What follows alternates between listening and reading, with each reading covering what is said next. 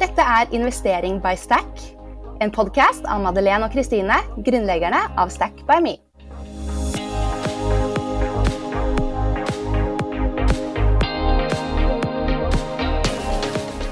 Hallo! Det er hyggelig at du tuner inn her på Investering by Stack. Jeg heter Kristine, og i denne podkasten snakker Madeleine og jeg om penger, drømmer og investering. Det er våre favorittemaer. Eh, vi er eh, ofte heldige da, å ha med oss gjester i denne podkasten, og i denne episoden så skal vi ha med oss Synnøve Gjønnes, som er portef eh, porteføljeforvalter i det nye fondet REC. Hun er tidligere forvalter i KLP og aksjeanalytiker i Pareto Securities også. Så velkommen, Synnøve. Tusen takk. Ja, hallo. Hyggelig å ha en gammel kollega på besøk her i podden. Ja. Jeg tror faktisk vi må starte Kristine, med å forklare hva eh, forvalter eh, er for noe. Ja. så bare sånn veldig kort til de som ikke er så inne i det, så sitter jo da eh, Synnøve og plukker ut aksjer som de skal kjøpe i det fondet eh, hvor hun er forvalter. Eh, så en, en proff aksjeplukker. Ja, åh, det er så gøy. Herregud, jeg gleder meg til å høre masse. Og dette er jo en ønskeepisode fra dere lyttere. Vi har fått spørsmål om å lage en episode som forklarer litt mer om hvordan man analyserer aksjer på Oslo Børs. Og da tenkte vi jo at du, Synnøve, eh, ville være den rette personen å snakke med. det er veldig hyggelig. ja. Og så, ja, så, er det egentlig sånn at vi har en sånn liste med ti spørsmål som vi gjerne går igjennom når vi har gjester her i poden. Så vi tenkte at vi, vi, kan jo ha det som et utgangspunkt her også, men nå måte, vil vi dykke litt dypere i materien på den profesjonelle siden av dette her, da.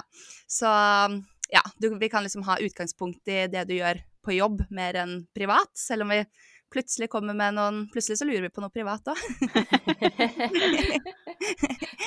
så, men sånn aller først da, Synnøve, kan ikke du starte litt med å bare fortelle litt om deg selv? Hvem er du? Dine hobbyer? Hvor bor du, og hvor gammel er du? Og ja, eh, så jeg heter jo da Synnøve. Jeg er 33 år gammel. Jeg jobber som forvalter i RQ Capital. Det er et relativt nyoppstartet selskap. Så tenk liksom Mini-Odin eller Mini-Skagen. Jeg ble startet opp i 2020, så ganske ungt. Eh, jeg begynte her i fjor etter å ha kommet ut fra mammaperm. Før det var jeg forvalter i KLP, eh, jobbet med å investere i norske aksjer. Eh, og man kan jo si litt sånn om hobbyer, så blir jo absolutt aksjer og investeringer en stor hobby, og det har det jo vært hele tiden. Studerte jo finans, så det var jo veldig naturlig at jeg gikk denne veien. Eh, men jeg er også veldig glad i ting som ikke har med finans å gjøre. Eh, reise mye, lage mat, gå på tur. Så det er vel litt sånn kort om meg. Bo på Stabekk. Ja, ja, Hvordan er det å være tilbake i den jobben nå som du har fått baby, da? Er det én baby du har? Eh, ja, nå er han blitt såpass stor. Herregud, han er blitt halvannet år. Men det mange tror, da, det er at når du jobber i finans, så er det veldig vanskelig å kombinere det med familieliv. Mm. Eh, og heller tvert imot. Eh, å være forvalter er kanskje den enkleste jobben du kan ha å kombinere med familieliv samtidig. Eh, for, for, når du er forvalter, så er du på en måte alltid på jobb, men du er veldig fleksibel i den jobben du gjør. Eh, jobben min er jo egentlig å investere i aksjer. Eh, og det betyr at jeg leser mye om selskapene, jeg leser mye om det som skjer i aksjemarkedet, eh, hva som skjer i verden, ikke minst. Men det kan jeg gjøre fra alle steder. Jeg må ikke sitte på et kontor og være på det kontoret fysisk ti timer hver dag. Mm. Ja, ikke sant. Så det er egentlig litt fleksibelt òg. Og veldig kjempefleksibelt. Så Dette er en viktig melding. Dette må vi ha en reel på, Kristine. Ja. Dette, dette, var jeg faktisk litt opptatt av å få frem. For jeg får veldig ofte spørsmål hvorfor det er så mange kvinner som faller ut av finansbransjen når de blir 30. Ja. Uh, og jeg tror jo grunnen til at mange gjør det, er at de begynner veldig ofte, sånn som Madeleine og jeg, i et meglerhus eller et konsulentfirma uh, eller tilsvarende. Og så ser de det at det er mye jobbing de første årene. Eh, og så ønsker man å fokusere mer på familieliv. Men innenfor vår bransje så finnes det jo mange andre jobber som er tilsvarende spennende. Sånn som f.eks. å være forvalter, hvor du har veldig veldig gode muligheter og masse fleksibilitet å kombinere det med familieliv. Eh, og det tror jeg folk glemmer, altså. Mm. Ja, det er viktig. Det er superviktig å få frem. Ja, det høres skikkelig gøy ut. Sier ja. Syns selv jeg. Men hvor, eh, hvor, mye, hvor stort er på en måte ditt eh, fond, eller hvor mye har du investert for nå, da? Ja, så Mitt fond er relativt nyoppstartet. Vi startet opp i januar. eh, Og for de av dere som har fulgt med på aksjemarkedet, så har jo det vært mildt sagt ganske krevende de første åtte månedene i år. Skjønner ikke hva du prater om.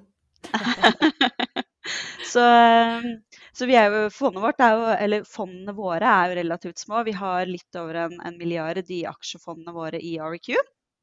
Veldig godt fornøyde med det, men selvfølgelig mye mindre enn de store aktørene på børs, og også det fondet jeg kom fra i KLP. Det som er morsomt med å investere i eh, kall det et lite fond, det er jo egentlig at hvis du ser på det nordiske aksjemarkedet, som er det som jeg investerer i, så har jeg veldig gode muligheter til å investere i eh, mindre, eh, det som heter small cap-aksjer, altså litt mindre aksjer hvor det ofte ikke er like god likviditet, eh, men hvor vi ofte ser veldig gode oppsidemuligheter. Og når du har et lite fond, så er det jo enkelt å handle disse aksjene. Jo større forvaltningskapital du har, altså jo større penger du skal plassere, jo vanskeligere er det å få kjøpt aksjer. For da, da ser du at med en gang du begynner å plassere større ordre, så begynner du å dytte litt på kurser. Eh, enten når du skal kjøpe eller selge. Men som er en liten aktør, så har du muligheten til å kjøpe og selge aksjer med relativt liten påvirkningskraft på kursene. Eh, og det syns jeg er helt fantastisk. Ikke sant? Og kan ikke du bare veldig kjapt, eh, Synnøve, forklare litt eh, hva som er problemet med lavere likviditet for deg som forvalter? Ja, så Utfordringen da, også i det nordiske aksjemarkedet det er at veldig mange når de ser på kjøpe eller selge aksjer, eh, så tror man at man får kjøpt aksjen til den kursen som står på skjermen. Men den kursen den er jo bare en midtkurs, altså sant, snittet av hva det er noen er villig til å selge en aksje, og hva noen er villig til å kjøpe en aksje for. Og Det er jo det man kaller spread. Utfordringen er jo at hvis du er en større kjøper eller en større selger, så begynner jo da de som sitter på andre siden, de ser jo at eh, det kommer et større volum av aksjer, eh, og da legger selvfølgelig de seg på den andre siden. og Det er jo det vi kaller likviditet. Så aksjer som har dårlig likviditet, de er jo vanskeligere å få handlet til den kursen som står på skjermen. Det er ikke alltid den du får handlet til, eh, når Mm. man, selv når man logger inn i Nordnett. Mens mye mer større likvide aksjer, da, liksom sånn som Equinor, Telenor, den type aksjer, de får du veldig ofte kjøpt. fordi at der er det mange som kjøper og selger samtidig. Mm. Ja, det her har jo jeg for en liten personlig erfaring eh, eh, fra nå nylig eh, oppdaget. Jeg skulle jo eh, selge ja, Veldig dårlig gjort da, mot meg selv. Jeg vet at jeg skal selge lenge før jeg må bruke pengene, men vi bygger hus. Så det gikk plutselig veldig fort tomt. Så skulle jeg selge noen aksjer, og så du vet, du legger liksom inn på, på den du, prisen du ser, ikke sant, for du tenker sånn, ja, jeg vil jo ha den. Eh, og så bare dagen etter. Hm, OK, der var kjøpet ned to kroner fra prisen i går. Ja, OK, jeg legger meg litt ned da, så jeg blir kvitt de. Og så bare fortsetter vi sånn liksom en uke, og til slutt så var prisen så lav på den aksjen at jeg bare Fuck it, jeg beholder de. Og, og det er sånn en klassisk felle. For det, det vi, eller det jeg ofte gjør, da, eh, hvis du får den type situasjoner som det der, det er at man man kan ikke være for streng, for det man ofte ser da, er at da har du allerede indikert eh, Selvfølgelig skal du være en ganske stor aktør da, for å gjøre dette, her, men vi ser at ofte i litt mindre likvide papirer, hvor det kanskje bare omsettes aksjer for noen millioner kroner hver dag, Eh, hvis man gjør den type ting, at man legger en, en hard limit på nederst, og så kommer man ut dagen etter og selger, og så dagen etter og selger igjen, eh, så kan det jo være noen som er interessert i å plukke disse aksjene på andre siden, som kanskje ser at ok, her har vi konstant en, en ordre som ikke blir omsatt, og den går ned og ned og ned. Eh, så nå ligger jeg her litt som gjedda i sivet og bare venter på at jeg får disse aksjene veldig billig. Dette hører jo til sjeldenheten, og jeg er veldig interessert i å vite hvilken aksje det her er, Madeleine. Det var faktisk Aqua. Eh, Aqua Group. Så jeg har jo fortsatt tro på den på lang sikt, men det var den jeg hadde minst tro på på, på kort sikt. Ja. Som uh, var det jeg trengte pengene til. og den er ikke veldig likvid, kan jeg fortelle. Nei, og det er jo litt det som uh, kanskje mange som investerer i aksjer privat, da, ikke alltid tenker over uh, når de skal investere. Det er jo at de har en sammensetning av aksjer som er relativt likvide. Og så kan man også ha noen som er veldig interessante og kanskje litt mindre i størrelse og litt mindre likvide. Men at Mm. hvis man skal ha penger og har en eh, noe, kall det kortsiktig horisont også på å kunne ta penger ut av aksjemarkedet, så bør man ha litt større aksjer. Ja, og eh, tips også fra meg da er jo at jeg kunne jo bare trykket salg at market, Ja. eh, siden jeg trengte pengene der og da. Så det er kanskje en, en lurere strategi hvis man faktisk er interessert i å ha de pengene ut. Ja, og da ser man også veldig ofte at da får du solgt de nok litt dyrere enn det du kanskje endte opp med å få gjort hvis du hele tiden sitter og dytter kursen nedover. Ja. Så men dette blir jo veldig teknisk på likviditet da, Kristine. Hva, vil du lose oss videre? Ja, ja herregud. Jeg, eh, jeg sitter jo og lurer på I fondet ditt, da, har du noe Er liksom noe spesielt tema? Hva investerer du i? Um, og på en måte hvordan kommer du frem til hva du skal investere i? Disse Ja. Så det, våre, vi har to fond. Vi har et globalt fond og så har vi et nordisk fond. Og det som i hvert fall jeg syns var veldig appellerende med REQ da jeg hørte om dem første gang, det var jo at vi for det første ikke investerer ut ifra en indeks.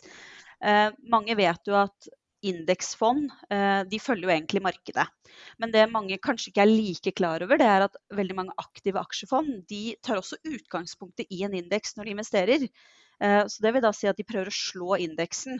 Og resultatet av det er at veldig mange investerer i de samme aksjene som er i en indeks, og så prøver de å vekte seg opp og ned i forhold til hva de tror markedet gjør.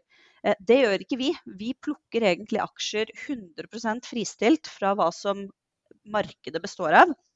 Og så har vi en veldig langsiktig strategi.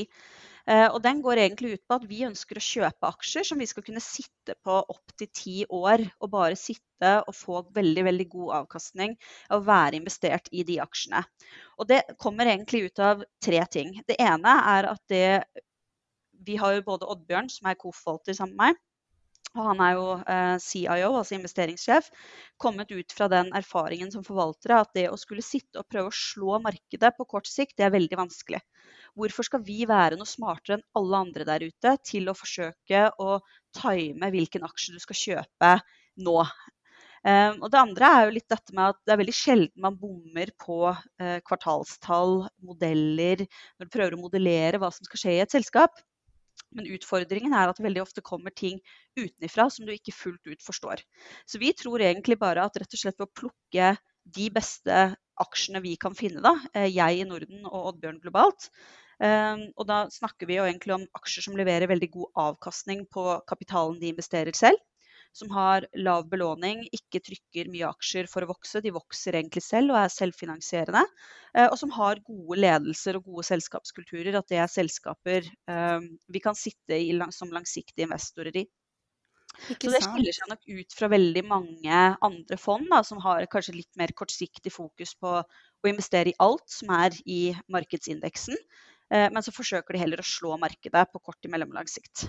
Ikke sant? Er det sånn da bare diversifiserer dere helt på sektorer og er, prøver å være litt overalt, eller er det Jeg, jeg vil nok si at den diversifiseringen kommer som et resultat av måten vi plukker aksjer på. Men egentlig så er det rett og slett sånn for oss at hvis vi kommer over veldig, veldig gode selskaper eh, Og jeg sier selskaper fordi at når du handler en aksje, så handler du egentlig en andel i et selskap. Det er det også mange som glemmer.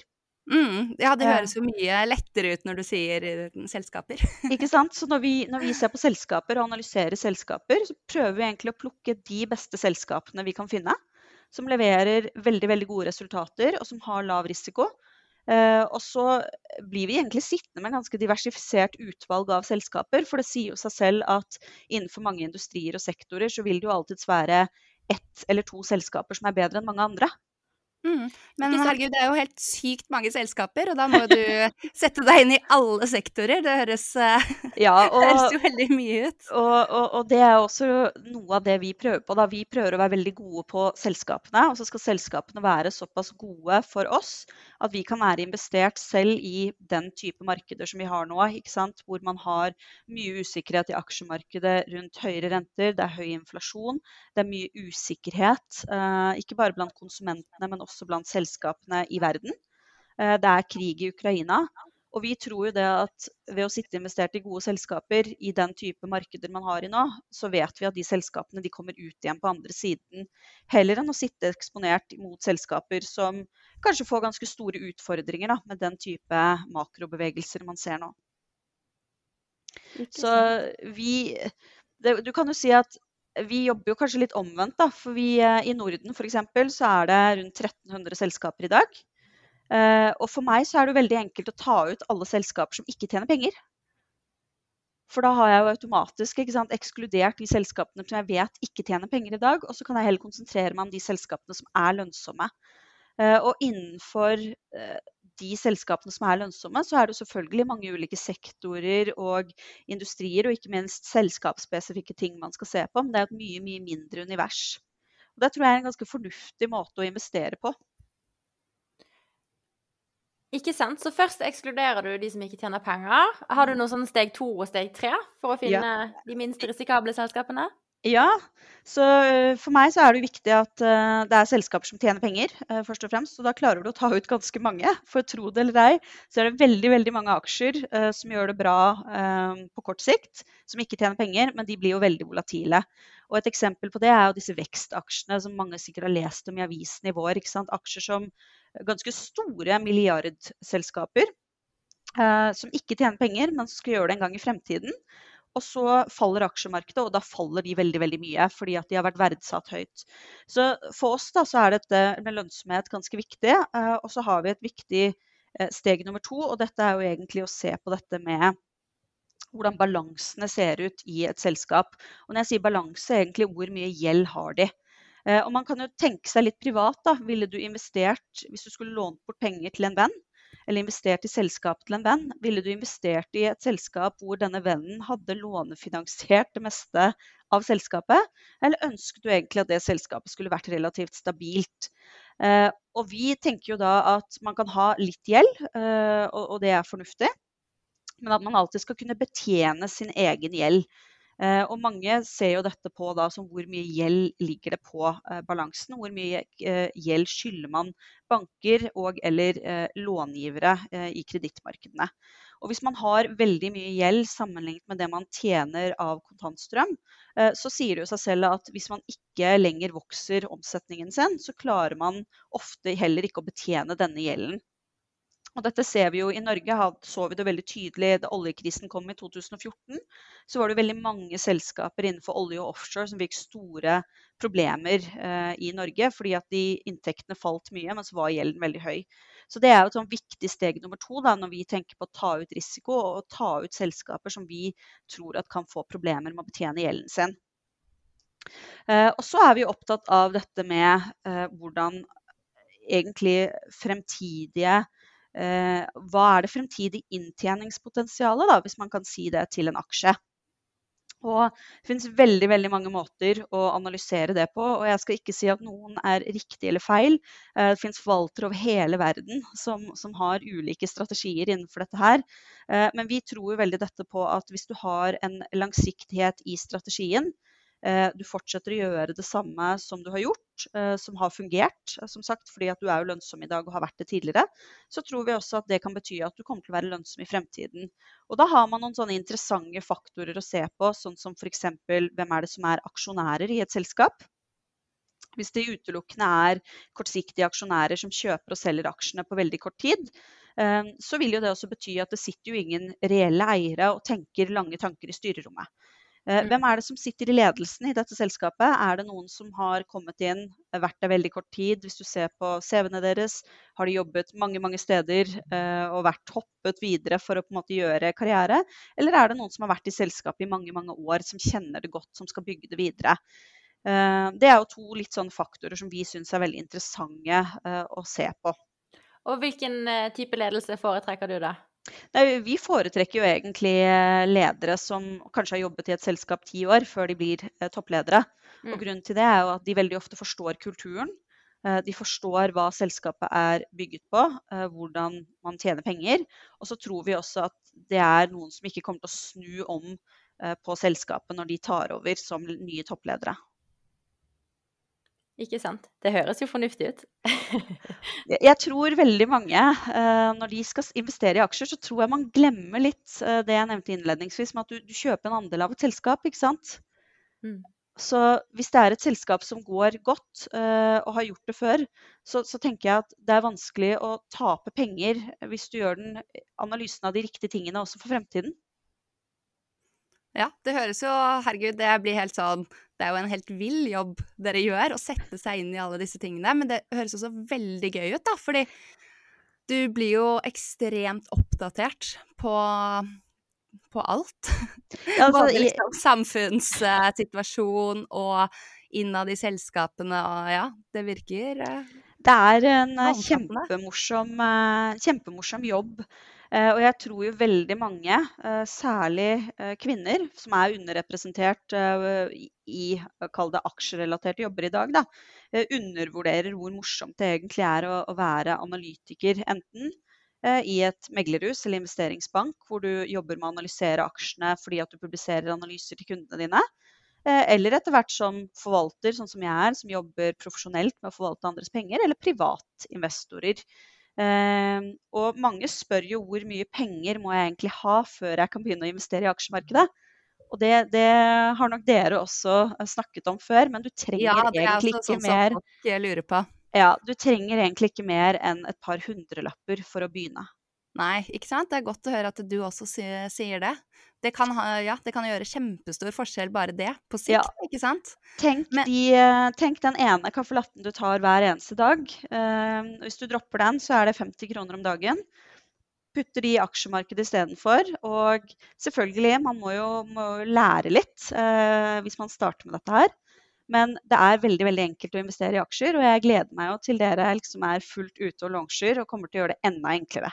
Ja, og hvis man bare gjør dette lite grann, så til slutt så slipper man å droppe den caffè latten òg, ikke sant? Da kan Ja. man ha begge deler. Kjøpe caffè sånn, latte på man, eh, avkastning. Ja. Det er life goal, Kristine. ja, Hvis man eh, treffer eh, avkastning. Hvi- Hvis man treffer riktig i aksjemarkedet, det er vel ingen hemmelighet at de aller rikeste menneskene i verden, de kommer jo fra veldig, veldig gode aksjeinvesteringer. Selv om de Mm. selvfølgelig ofte har vært med å grunde selskaper, så er det jo aksjemarkedet til syvende og sist som har gjort dem rike. Ja, men hvordan er det når eh, du, dere investerer nå, da? Det er jo en sånn, ja, no, ofte at man sier at man skal investere jevnlig eh, inn i selskaper eller inn i aksjer eller fond og hvordan er det for dere? Er det sånn når du finner da et selskap som du tenker dette her er en go, kjøper du bare en posisjon, en stor posisjon med en gang og sitter på den, eller? Ja, Sprer eh, vi, begynner ofte, vi begynner ofte litt mindre, faktisk. Eh, og grunnen til det er jo at eh, eh, vi liker jo å se at ting utvikler seg, så vi starter heller med en litt mindre posisjon, og så øker vi vekten etter hvert som vi ser at eh, ja, vi treffer da, kall det på investeringsanalysen. Eh, for vi gjør jo også feil. Det er jo mange som Mm. sier det at forvaltere de, de bommer ofte, men så lenge de treffer seks av ti ganger, så tjener de penger. Ja, ikke sant? Ja, ok. Så dere også prøver dere liksom litt frem med et uh, Men setter du på en måte av at nå skal jeg investere totalt så og så mye, og så begynner dere med 10% og så Ja, så da vi eh, lanserte Nordenfondet, og det var jo kjempegøy å være med og, og egentlig starte opp sitt helt eget fond, mm. eh, så fikk vi jo forvaltningskapital første dag, eh, 25.1. Og da var det egentlig, da hadde jeg jo på forhånd brukt et halvt år på å sette sammen en portefølje av aksjer som jeg kunne tenke meg å investere i. Hadde fulgt de selskapene da eh, i seks måneder, kall det fra jeg bestemte meg for at det skulle gå inn i modellporteføljen min. Mm. Eh, og det skjedde jo faktisk noen utskiftninger i fjor høst uh, fra jeg på en måte hadde bestemt meg til jeg skulle ta dem inn, og til vi lanserte fondet. Så det var ikke alle aksjene som jeg hadde tenkt skulle være med fra start, som ble med. Og det har også kommet noen nye navn til. Uh, det er jo en sånn endringsprosess som man hele tiden ser uh, blant forvaltere. Men? Så har vi ganske lav omløpshastighet. Da, for det jeg har erfart som forvalter, det er at det er veldig vanskelig å tjene penger på å skulle selge aksjer når, de, når du tror de er blitt dyre, og så kjøpe de tilbake når de er blitt billigere. Ja. Det, det tror jeg alle forvaltere egentlig kan skrive under på at det, det klarer vi ikke. Nei. Så det å egentlig sitte i en aksje som du er ganske godt fornøyd med, og hvor du tror at det er oppside på aksjen, er en veldig god strategi. Og jeg så jo det når jeg var på ferie i sommer. Jeg har aldri hatt så god avkastning eh, som i juli måned. Ja, ikke sant? I løpet av fire år som forvalter. Ja. Ja. ja, Så- så da det å gå litt opp igjen. Det, det er noe med å, å sitte i ro som er veldig vanskelig. Eh, fordi at Særlig når markedet begynner å bevege seg litt og du ser at aksjekursene faller, så er det veldig lett å tenke at oi, nå må jeg gjøre noe, nå må jeg redde pengene mine. Men hvis du er veldig trygg på den analysen du har gjort i utgangspunktet, så er det jo ingen grunn til at du skal behøve å selge aksjene så lenge du uansett har tenkt å være investert i aksjemarkedet. For det Mm. betyr jo egentlig at da må du finne noe annet som er bedre. Mm, ja, jeg blir alltid overrasket over forvaltere som er ute i media og sier at nei, nå, nå selger de alle aksjene fordi at nå skal markedet til helvete. Ja, Ja. hva skal de kjøpe da? Det, en, eh, det har jo vært en, eh, sjelden vært en god strategi å gjøre det. Eh, Og så har jo mange forvaltere har jo mange ulike mandater. Og det gjør jo det at jeg blir jo litt oppgitt når avisene alltid er ute med disse såkalte ekspertene sine. Og nå kaster jeg litt stein i glasshus, for jeg har jo vært blant disse selv. Men, men som liksom snakker om at nå skal du gjøre det, og nå skal du gjøre sånn.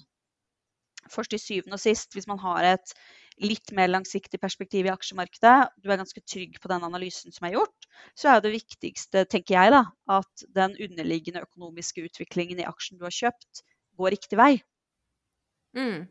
Ja, jeg syns de kunne vært flinkere på å presisere hvilken tidshorisont de mener. Ja. Jeg tror jo veldig ofte så kommer jo kommentarene frem som om at dette er det de mener for evig og alltid, men så er det kanskje bare ja, de neste fem ukene de egentlig mener.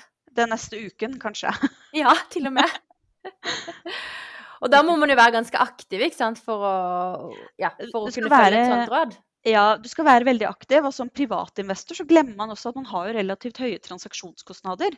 For man Mm. betaler jo faktisk hver eneste gang man kjøper og selger en aksje. Og hvis du Mm. da kjøper og selger veldig ofte, så begynner du egentlig å dra på deg en del kostnader da, som spiser av avkastningen din. Mens hvis du da egentlig bare hadde holdt aksjen fra dag én, og du tenkte at ja, men jeg skal eie den om la oss si et år, eh, og så skal jeg ikke kjøpe den og selge den i mell- mellomtiden, så går du kanskje glipp av et par kroner på å sitte og daytrade, men du har frigjort masse tid til å gjøre andre ting, eh, bl.a. analysere nye aksjer, og ikke minst alle disse transaksjonskostnadene. Mm. Ikke Ja, nei, det er bra du sier, eh, som vi pleier å si også. Time in the market beats timing the market. Oh yes. oh, Og jeg, eh, jeg gjorde faktisk en, eh, for moro skyld en liten øvelse hvor jeg tok veldig enkelt 100 dollar på den dårligste børsdagen i et år og den beste børsdagen i et år. Fra og med 1986. Eh, Det var vel da MSCI-indeksen ble satt opp. Og så gjorde jeg den øvelsen hvert år. Hva er avkastningsforskjellen om du hadde investert på den beste og den dårligste dagen årlig frem til eh, var vel i fjor høst jeg gjorde den øvelsen. Og Ja. den eh, differansen i avkastning er egentlig ganske liten over tid. Å ja, ikke sant? Fordi Ja. at du ser det at om du hadde investert 100 dollar for la oss si 20 år siden, da, i, eh, eller under finanskrisen for den saks skyld, så har jo på en måte den avkastningsforskjellen du fikk på veldig kort sikt i 2008, den har jo bare ligget og akkumulert i markedet siden da. Og du ser da at den utjevner seg ganske fint. Så det å prøve, og det er jo mange som har skrevet bøker om dette her, men det er jo mange som uh, sier det at å prøve å slå markedet, det er helt umulig. Mm. Ja, eh, det, for meg så ser det timing. fall ut som det er veldig vanskelig. Ja, på timing. Så det viktigste er jo uh, å sitte investert. Og jeg ser jo det, jeg har jo, som du også har, Madeleine, uh, en liten sønn, og alle hans penger er i fond. Og jeg har ikke rørt de fondene egentlig eh, gjennom den markedsturbulensen vi har sett eh, siste halvåret.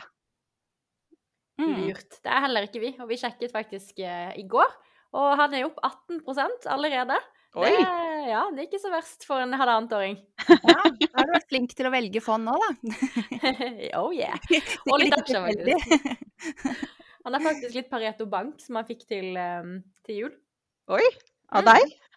Nei, av min lillesøster eh, yes. og eh, ja, pappaen hennes. Så det var jo litt morsomt. Ja. OK, men eh, nå kommer det litt sånn dumt eh, spørsmål kanskje fra meg, da. Men det fondet som du styrer nå, Ja. er, det, eh, er det sånn fond som alle kan kjøpe seg inn i? Sånn som eh, vanlige DNB-fond, liksom? Eller er det, har dere eiere som dere setter opp et fond på forhånd? Nei da, vi har, altså det er et fond som alle kan kjøpe seg inn i. Eh, Ja. Men vi har jo, fordi vi har en såpass langsiktig strategi, eh, så har vi jo egentlig sagt at dette er en, en strategi som vi ønsker at vi skal ha noe profesjonalitet hos kundene våre. Så vi har ganske høy minstetegning. Ja, OK. Hva er det, da? Eh, nei, den, eh, hvis noen er interessert, så kan vi ta den. Eh, Men, Ja, men jo noe av grunnen til det er jo at, at vi har en såpass langsiktig strategi, så ønsker jo ikke vi at uh, f.eks. studenter som bare ønsker å investere litt grann i aksjemarkedet, men som trenger pengene fort inn og ut, eh, at de skal komme inn hos oss. Og noe av grunnen til det er jo fordi at vi, vi har en tiårshorisont. Ja. Det betyr at vi kan ta en del disposisjoner hvor man kanskje sitter med en noe høyere volatilitet gjennom perioder. Men så ser vi også det fra fondssiden at mange retail-investorer trekker jo fort penger inn og ut, sånn som under covid eller denne våren her. Så har man jo sett mange eh, av de store, sånn som skal jeg ikke si liksom DNB for sikkert, da, men den type institusjonelle fond som DNB, Odin etc., hvor veldig mye penger kommer inn når markedet er høyt. Og med en Mm. gang markedet begynner å falle, så trekkes alle pengene ut igjen. Ja. Ja. Ja, jeg ser jo på en måte at deres strategi Det gir dere jo sikkert mer fleksibilitet til å bare sitte gjennom, da. Og ha den tiårs uh, uh, Ja. Uh, Så hvis noen er genuint veldig veldig opptatt av å, å investere i aksjer, så er det dere er alltid hjertelig velkomne hos REQ. Men vi ønsker gjerne å møte kundene våre før de tegner i fondene. Så Det er jo derfor Ja, vi ok. ikke har fondene våre på eh, fondsplattformer som Nordnett og Avanza etc. Rett og slett fordi at vi skal vurdere kundene våre før de investerer. Ja. ja, jeg skjønner. Jeg tenkte jeg har ikke sett eh, dette her, så men har ikke jeg sett alt. Men da er det en grunn. Ja, det er en grunn. Eh, Men som sagt, alle er hjertelig velkomne, så det er bare å ta kontakt. Men er det sånn Er det liksom hvis fondet ditt går bra, tjener du mer da? Eh, Det, sånn er det jo eh, for alle forvaltere. Eh, Man har jo resultatbasert lønn. Så man kan heller si det sånn da, at hvis fondet går dårlig, så tjener jeg ikke så veldig mye. Ja. Så, eh, og så Du er det jo sånn insentivert til å gjøre det beste for dine kunder. Du er insentivert, men så har jo også det kommet en del nye reguleringer etter finanskrisen som skal sikre at forvaltere ikke tar veldig kortsiktige disposisjoner. Og dette er regler som gjelder egentlig for alle som jobber med forvaltning. Så blant annet så får jo ikke jeg bonusen min utbetalt på ett år. Den blir jo utbetalt over tre år. Ja, Ah. ikke sant. Uh, og det tror jeg er regler faktisk som Finanstilsynet har implementert, uh, som gjelder alle, alle som jobber med finansforvaltning, uh, og også salg, hvis ikke jeg tar helt feil. Ja. Smart. Så endelig har til og med de som lager lover, lagt opp til langsiktighet. Det er veldig bra. Ja, Mm. og eh, det er jo også verdt å si det at jeg har jo eh, ikke lov til å investere privat i noe annet enn mitt eget fond. Så alle mine sparepenger som ikke er i bolig, de er i fondet mitt.